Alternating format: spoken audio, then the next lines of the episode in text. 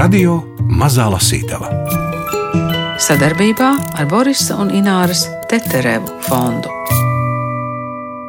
Man vienreiz bija sarkans mikrofons pļāvā, un tad man bullītis nesās pakaļ, un viņš domāja, ka tas ir ābols, jo viņiem sarkanos ābolus dod. Aha. Un es viņam teicu, nu nav tas ābols, nu nav, un nevar iestāstīt, un viņš grib viņu apēst. Bet tad kaut kā noslēpu. Nē, tas nebija trakais bullītis, tas bija mīļais. Sarkans mikrofons un bullītis pļavā tik nenopietni sākas mūsu saruna ar Māju Miglu Streiču, kuras pirmo romānu Matildes gadsimts mēs tūlīt lasīsim. Ilgu gadu pieredze Latvijas televīzijas panorāmā un spēja sakoncentrēties precīzās divu ar pus sižeta minūtēs, tā ir Mājas Miglas strēčas pieredze. Tādu mēs viņu pazīstam no televīzijas ekrāna. Tikai ļoti tuviem cilvēkiem iespējams zināms tas, kas plašākai publikai līdz šim bijis apslēpts. Māja Līcīte savulaik rakstīja dzējoļus, publicējās un pat varēja iznākt arī dzējas grāmata. Viņas dziesmu teksti skanējuši Liepājas teātra izrādē Brēmenes muzikā muzikanti, arī Manta Kalniņa mūziku. Taču pagrieziens uz televīziju bija pagrieziens prom no dzējas, un tagad jauns pagrieziens - romāns.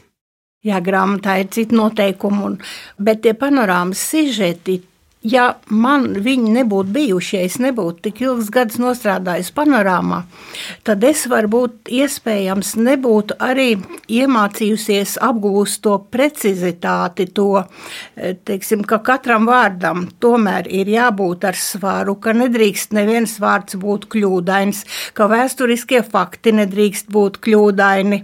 Un tās divas minūtes, jā, nu, protams, divas un trīs minūtes, un kādreiz to ar tādām sāpēm atbrauc, te teiksim, no Daugaupils, un producents tev pasaka, divi ar pus minūtes. Bet mēs taču braucām, cik stundas, nu tā bija visa, visa diena faktiski. Nē, divi pus minūtes vairāk neietiekšā. Nu tad arī tā, bet es arī neapvainojos, jo es zinu, ka tiem citiem arī ir tās divas ar pus minūtes, un tādi mēs esam. Grāmata tas ir cits apjoms, un ziniet, es varu pateikt, ka grāmata rakstīt ir bauda. Jo Tur tu vari izlikt savu sirdi, un šeit es tiešām rakstīju daudz ko no tā, ko es atcerējos, ko es izjūtu. Un, un tas vēsturiskais materiāls, ko es meklēju klāt, tas bija Nevis tāpēc tas pašmērķis, bet tas bija tāpēc, ka es jau sen biju domājusi, nu, kā tas ir. Nu, kas notika pasaulē tajā dienā, kad piedzima mana vecā mamma, kad piedzima mana mamma, kad piedzima es pati, vai nu, ulmaņa laikos, vai kas kara laikos, par ko stāstīja, ko rakstīja avīzes, kas bija dokumentos, arhīvu, kas tur sastopams. Un, Un tā interese man pašai bija interese uzreiz momentā skatīties, ņemt un to visu likt arī savā grāmatā. Bet tas stāsts sākums ir eh, vecā māma. Jā, vecā mamma, to es nenoliedzu. Matilda ir vecā mamma tiešām, un viņa ir arī autentiska, tāpat kā viņas mamma Made. Viņas māsas, viņas brālis, tie visi ir īsti cilvēki, un tā tur nekas nav samurgots. Nē, nu, Tas nozīmē, ka tur nebūs tā teikuma, ka zināma līdzība, zināmā līdzībai ar, ar vēsturiskām personām ir gadījuma raksturs, ka tur nav neviena. Ja? Tad, tad, tad visi personāži, visi ir. Nē, tā nav. Jo tiešām tie, ko es nosaucu, tie visi jā, tie ir īsti. Tie ir īsti dzīvi un tie ir manējie. Bet daži ir piefantazēti. Bet nē. Ar māju miglu streiču sarunājas Gunārs Aboliņš. Es gribēju teikt, pat ne piefantazēti, bet teiksim, tālākie varoņi, kas iet mani, e, tā tad Austra, Aleksandrs, Maira, Lilija, nu, tur no viņiem ir palicis tikai, teikt, pati būtība. Ja? Nu, ir austras dienas grāmatas, bet austra nemaz nav austra. Ja?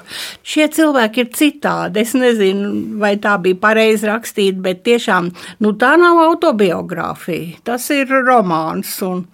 Viņi paši aizgāja savu ceļu. Es nezinu, kā tas gadījās. Nu, kaut kur es viņus ies, es paņēmu austras dienas grāmatas, es aizbraucu līdzi austrai aizskrēja uz Kuldīgu, kur viņi strādāja skolā. Un tad viņi gāja savu ceļu tālāk, un, un arī Aleksandrs Un Maira, nu viņiem arī bija kaut kāds tāds savs ceļš. Es saprotu, ka vairāk no tiem personāžiem ir arī šodien dzīve, vēl ar vienu, vai ne? Nu, šodien dzīva ir tikai Maira. Viņa ir lasījusi šo Jā, grāmatu. jā. Par tām vietām, kuldīga, liepāja. Kas tur vēl ir? Liepāja visvairāk, vai ne? Nu, pamatā tā ir liepāja, un tā ir arī liepājas vēsture.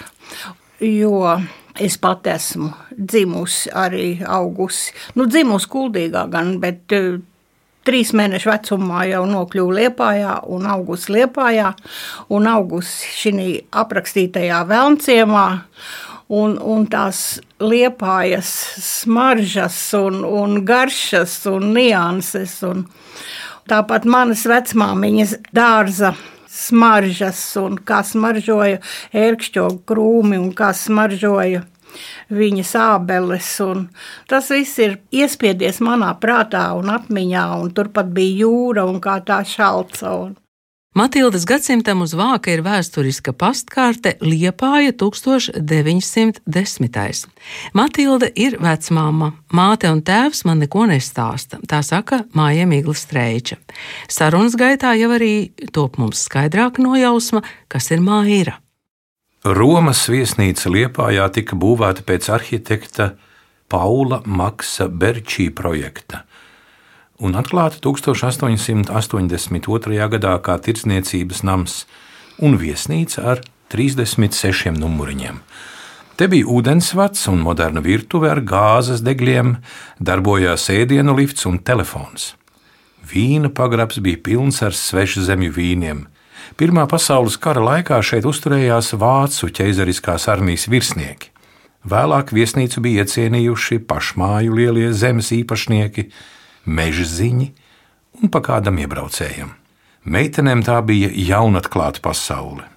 Kādi tur bija spīdīgi aizkari un gultu pārsegi, un cik mīksti dvieļi. Ūdens nebija jānes ar spaiņiem, tas pats tecēja no mirdzoša krāna. Un no lejas virtuves uz ēdam telpu nebija jāskraida ar ēdienu bļodām, tās salika liftā un nosūtīja augšā. Te visam vajadzēja spīdēt un laistīties. Gan Matildas valstībā, istabā, gan virtuvē, kur strādāja Elziņa. Bet darbinieku bija daudz, un, ja arī meitenes sākumā kaut ko neprata, tad viss tika ierādīts, un turpmākajā dzīvē viesnīcas darbā iegūtās prasmes noderēja gan Elzai, gan Matildei. Baltā brūta skleita. Ko lai tagad daru? Es nevaru viens braukt atpakaļ uz Ameriku, visi mani apsmies. Tur jau no es sievu nedabūšu. Romas viesnīcas vestibilā atsēdies uz sarkanu samtu pārvilkta krēsla, gluži vai raudāja apaļīgs, labi ģērbts kungs vidējos gados. Viņam apkārt sanākušie viesnīcas darbinieki dzirdēja neparastu stāstu. Izrādās Krēsliņa kungs, kurš jau gadsimta sākumā kopā ar vecākiem bija emigrējis uz Ameriku, tur iedzīvojies un, audzējot vistas, kļuvis gluži turīgs, atgriezies dzimtenē, lai apprecētos. Gribēju precēt latviešu meiteni, ieliku sludinājumu avīzē, bet man atsaucās piecas. Izvēlējos Almu, meiteni no labas ģimenes, un neviena puiša viņai nesot bijis. Sarakstījāmies ilgāku laiku, un viņa man sūtīja savas fotogrāfijas, es viņai savas. Viņa bija ar mieru precēties un braukt pie manis uz Ameriku, tikai lai es atbraucu viņai pakaļ. Un laulāties viņa gribēja Annas baznīcā. Nopirku baltu brūces kleitu, kāpu uz kuģi un braucu pēc līguviņas, bet līguviņi mani piesmēja. Kā tas varēja būt? Pajautāja viena no istabenēm, vērīgi noskatīdama nelaimīgo kungu. Viņā nebija nekā, kas varēja atgrūst. Apaļīgs, jā, bet glītu seju, pabieziem, pelēcīgi, labi frizētiem un ar breolīnu, iesmērētiem matiem, brūnām acīm. Krēsliņkungs, kuram vārdā bija Viljams, ieradies Almas norādītajā adresē Liepājā, Vakzāles ielā ar lieliem saiņiem. Tur bijusi gan kāzu kleita, gan dāvanas līgavai un viņas vecākiem, Līga viņa dzīvojusi glītā divstāvu koka namiņā, atbraucējam durvis atvērusi viņas mamma, dūšīga tumšmata Laura kundze, un vēlāk parādījies arī pats Laura kungs, kalsnējs, maza auguma vīriņš. Aicinājuši iekšā, apsēdinājuši pie apaļa ozola koka galda, uz kura bijis uzklāts balts, smalki iztamborēts galdauts, un kundze gājusi vārīt tēju. Laura kungs jūties apmulsis, apjautājies par braucienu, par laiku, stāstījis, ka viņam te liepājā katru dienu pūšot augsti vēji, nekur glābties. Nu, kur tad mana līguņa, Almiņa, gribas jau redzēt vaigā? Viljams uzjautājis. Ienākusi kundze ar teikanu un trim tasītēm uz paplātes. Iesaukusies es tūlīt un atkal aizgājusi. Bijusi dzirdama klusināta, dusmīga saruna, un tad izsauciens Nē! Bet tad nākušas abas. Alma mātei aiz muguras, maza un kalsna pēc tēva, bet tumšie mati un tumšās acis ar garajām skropstām kā mātei. Dusmīgi noskatījusies uz līgavaini un klusējot, nolaidusi acis. Viņa negrib. Māte sacīja, ir solījusies, bet tagad, kad jābrauc, ir pārdomājusi. Almiņa. Viljams ieraudzījis glīto, bet pūcīgo meiteni laipni sacīja: Es saprotu, tu man nepazīsti. Kuģis attiek pēc divām nedēļām. Es tikmēr apmetīšos Romas viesnīcā. Mēs varam katru dienu satikties, spacieriet pa pilsētu un iepazīt viens otru tuvāk. Nāc attaisīt saini un apskat savu balto brūci kleitu. Nē, Alma piecirta kāju, tēvs salēcās un piesarka. Māte nosmējās. Es nekur nebraukšu, tas ir izlemts un uz visiem laikiem varat ņemt savu brūces kleitu un iet meklēt kādu citu, kas brauks uz Ameriku jums par ķēkšu. Kāpēc par ķēkšu? Es tevi lūdzu kļūt par manu sievu, un tu piekriti. Viljams joprojām bija savaldīgs. Kad aizbraukšu tur bez mammas un papa, tu varēsi ar mani darīt visu, ko, un nebūs kas mani aizstāv. Es tur nevienu nepazīstu, man visi būs sveši. Nemaz necenties pierunāt, ņem kleitu un ej projām. Es nekur nebraukšu. Tēvs, atvainodamies, noplātīja rokas un noteica: Nu, palutināta jau mums viņa ir. Jūs jau nemaz laimīgs nebūtu, varbūt tā arī labāk. Nu, un tā es jau trešo dienu sēžu te pie jums viesnīcā. Brūts kleits stāv skapī, un man būs jābrauc projām vienam. Viljams bēdīgi noteica: Parādiet mums to kleitu! Istabena Ilma viņu uzrunāja, Mēs nekad neesam redzējušas īstu brūtu skleitu, tikai uz bildēm. Viljams nosmējās un ieaicināja meitenes pie sevis. Iegāja Ilma, Milija un Matilde. Viljams atvēra skati, un tur jau tas skaistums bija. Izņemts no sāņa un pakārts, lai nesaburzās, Milijai izlauzās apslāpēts izbrīna sauciens: Ak, kungs! Ja man tāda kleita būtu, es tūlīt pat nedomādam iet pie altāra. Viljams vērīgi noskatījās meitenē. Smuka latviešu meitene, biezu pelēku bīzi, kas savīta pakausī, zilām acīm un tik gaišām uzacīm, ka šķiet apaļajā sēņā to nemaz nav, toties uz deguna vasarraibumu birums. Tik jauna, tik svaiga, kā, kā tikko slaukts piens. Millī, ko tu runā?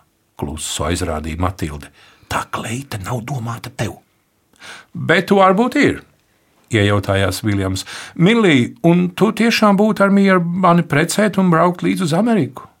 Kaut tūlīt, Millija atteica smaidīdama. Vēl, nu tad esam sarunājuši. Nāks pie manis par sievu? Jā. Ilma un Matilde nesaprata, tas ir joks vai īstenība kuram par lieciniecēm viņas tikko bijušas. Bet Viljams ar Milliju pēc nedēļas salauzās Annas baznīcā, un par viņu dīvaino satikšanos un kāzām runāja visa liepāja. Alma ar mammu iegāja kāzu dienā baznīcā paskatīties uz brūtis pāri. Alma tikai noteica: Viņai mugurā mana kleita. Uz to mamma atbildēja: Jā, tā tev būtu labāk piestāvējusi. Milija un Viljams aizbrauca uz Ameriku, un no radiem rakstītajām vēstulēm un naudas sūtījumiem varēja saprast, ka viņi ir laimīgi. Viņiem piedzima četri dēli, un nebija jāpiedzīvo ne otrais pasaules karš, ne izsūtīšanas, ne padomju okupācija. Te beidzas nodaļa.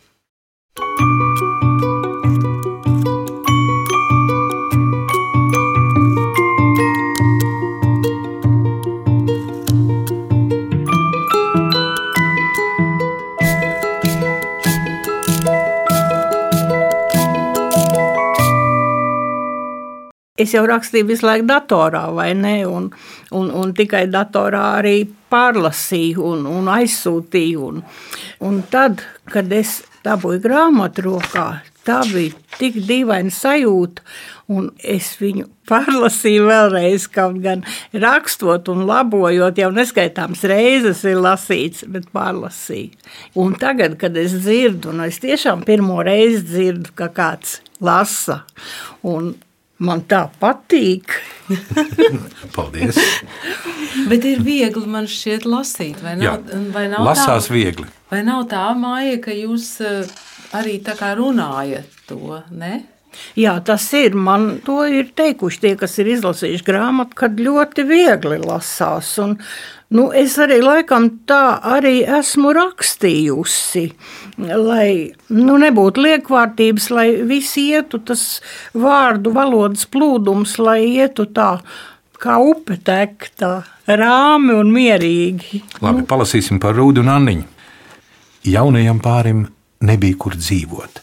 Anniņa ar dēlu dzīvoja pie savas mātes, vienistabas dzīvoklītī, Rūdis īrēja istabiņu. Viņam bija priekšlikums Ielaid mūs savā saimniecības ēkā. Tev taču to vairs nevajag, un nezini, kad atkal vajadzēs, bet man ar laiku sola dzīvokli, tā kā mēs ilgi pie tevis nepaliksim. Saimniecības ēka, brūni krāsota neliela mājiņa ar divām telpām, atradās dziļāk dārza pusē pretī dzīvojamai mājai. Matilde jau uzreiz iebilda: Jūs taču tur nosalsiet! Tā ir vienkārši dēļa būda, vēja pūš pa spraugām iekšā, kāda tur dzīvošana. Rūdis neatlaidās. Es par to esmu padomājis. Mēneša laikā, līdz uznāks ziemas sāli, es to būdu nosiltināšu un uztaisīšu par dzīvojamu. Man ir sarunāti materiāli, paņemšu palīgu un uztaisīsim. Plīts un skurstenis tur ir, un tas jau galvenais. Tev vienalga tur stāv tukšs. Mairai jaunā tante patika. Viņa bija atnesusi kastīti ar konfektēm, attaisīja to vaļā un cienāja visus. Pastilas. Tā šīs rozā konfektes sauca - mīkstas un saldas. Maira vienu apēda un paprasīja vēl. Vecmāma bija iegrimusi domās un neiebilda. Tantē bija melni svārki un zaļa samta jaciņa, kam bija tik patīkami pieskarties. Tu pie mums tagad dzīvosi. Maija kaut ko no sarunas bija sapratusi. Es tad iešu pie tevis ciemos, un tu nāks pie manis. Ja tava vecmāma mūs pieņems, smaidīdama atteica Anniņa. Matilde neteica ne jā, ne nē. Atnāciet svētdien. Es tikmēr parunāšu ar Austru, un tad mēs izlemsim. Tā uzreiz es neko nevaru pateikt Ja jau jūs gatavi paši visu izbūvēt, tad nekādu iebildumu nevarētu būt, bet tikai uz laiku. Kas zina, varbūt mums pašiem to ēku atkal ievajadzēsies. Rūdis nosmējās, kā tad ievajadzēsies. Te jau bez tevis vēl ir tikai mairiņa. Austra pa skolām, znots armijā, Made vairāk dzīvojas pie Elzas, tev vairs nav nozīmes turēt lielu saimniecību. Aleksandrs ir atnācis no armijas, tagad dzīvo pa grobiņu, drīz būs mājās, bet viņš jau laikam tiešām saimniekot negribēs. Austra gan labi ieprecējās. Jūs viņu esat audzinājuši īsti latviskā garā. Rūdis ironizēja. Neviens nebūtu domājis, ka ģimenē ienāks partīnieks. esot bijis virsnieks skolā, varbūt jau ir ģenerālis. Nemaz nesmējies, lai nu kāda viņam tā partija, bet pirms armijas, kad viņš pie mums dzīvoja, es sapratu, ka labāk uz nota nemaz nevar vēlēties. It visās lietās viņš man palīdzēja. Dārzu aplēja, zemi raka, lecektis cilāja un laipns pret mani. Cik es savu laiku acis neizraudāju Kristapa rupjības dēļ, tik man tagad tik laba attieksme ir neierasta. Tikai nezinu, ko Austras sastrādājusi. Abi sastrīdējās, kad viņš atnāca no armijas, un tāpēc Aleksandrs aizbrauca uz grobiņu strādāt. Nu, par Austras dzīvesveidu jau rados visādi runā. Rūdis noteica. Es nemaz negribu dzirdēt, man jau tā ir sirds pilna. Matilda piecēlās un aizgāja pie mairiņas, kas ģērba savu lēli. Man bērns jāliek gulēt. Rūdis ar Anniņu saprata, ka laiks doties projām. Sarunāja, ka atnāks svētdien. Līdz tam laikam Matilde būs izdomājusi. Pēc viesu aiziešanas Matilde sāka mizot kartupeļus vakariņām, visu pārdomājot. Rūda priekšlikums nebija peļams. Mājās būtu dzīvība, tepat kaimiņos brālis ar sievu, tikai ja nu dzīvokli nedabū un paliek uz visiem laikiem, to gan negribētos. Īri jau viņš nemaksās, ja pats būs visu atjaunojis un nosiltinājis. Jārunā ar austru, ko viņa domās. Diez kā viņai būs gājis pa grobiņu, vai būs salabusi ar vīru. Matildei uz meitu bija lielas dusmas.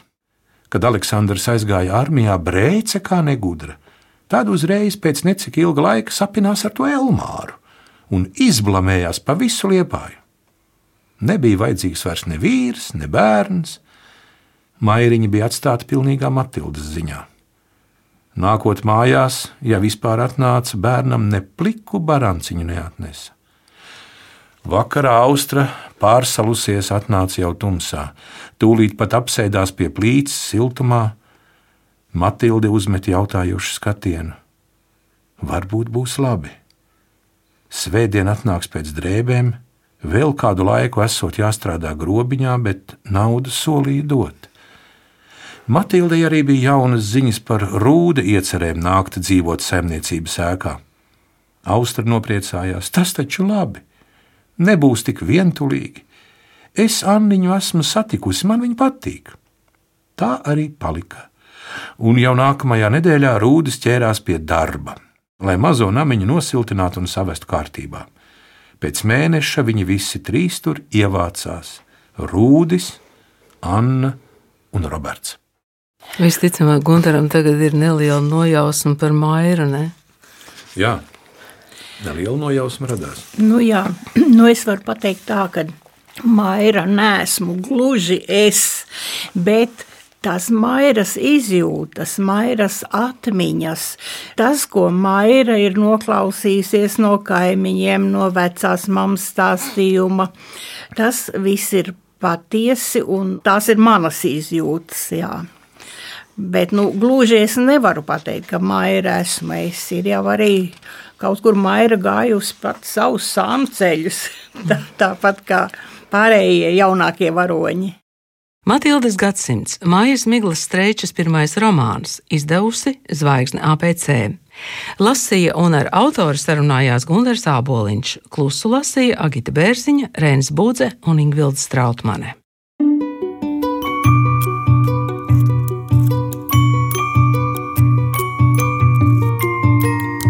Radio Mazā Lasītava Sadarbībā ar Borisa un Ināras Teterevu fondu.